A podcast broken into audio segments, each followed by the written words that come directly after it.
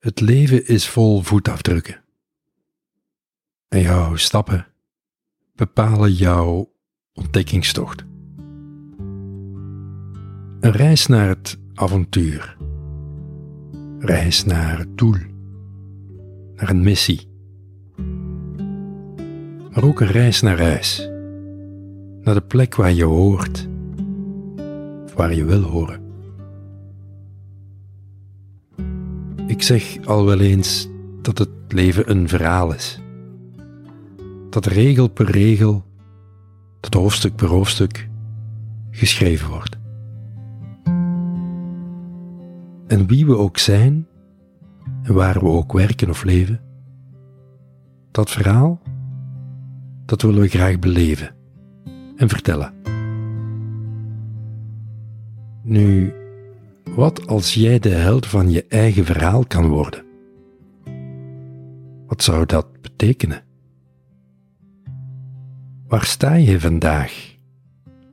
Waar sta je in je eigen zoektocht naar het goede leven? Zoveel vragen. Ons hoofd heeft zoveel vragen. Herken je dat? In welk hoofdstuk van je verhaal bevind jij je? Ben je on track? Zit je op het goede spoor? Ben je niet te vaak afgeleid door nevenmissies? Nevenmissies die je ervan weerhouden jouw beloofde land te bereiken? Deze ochtend stootte ik op een mooi stukje van Moji. Moji. Ken je die? Spiritueel leraar. Schrijft mooie boeken met diepe wijsheden. Mind wants to ask so many questions. But right now, I say simply stop. Right where you are. And for one single moment, turn your attention totally inside. Do it. Do this. Drop all your ideas that you have collected throughout your life up until this very instant. Okay? You can do this leave aside even the idea of who you believe you are. So that right here, right now, you are totally, totally empty. How about that? Unmixed. As if you don't have any past, you are completely without history.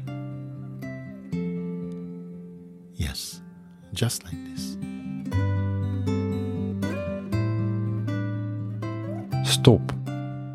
Er is geen enkele reden waarom de volgende 10 minuten niet de beste zouden zijn die je in jaren hebt gehad.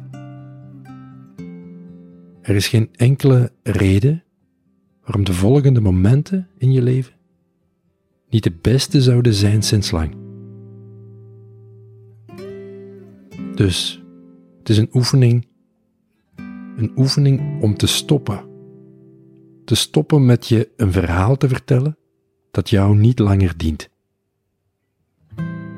Een verhaal over wat er aan de hand is, over hoe het was, over hoe het zal zijn. Stop.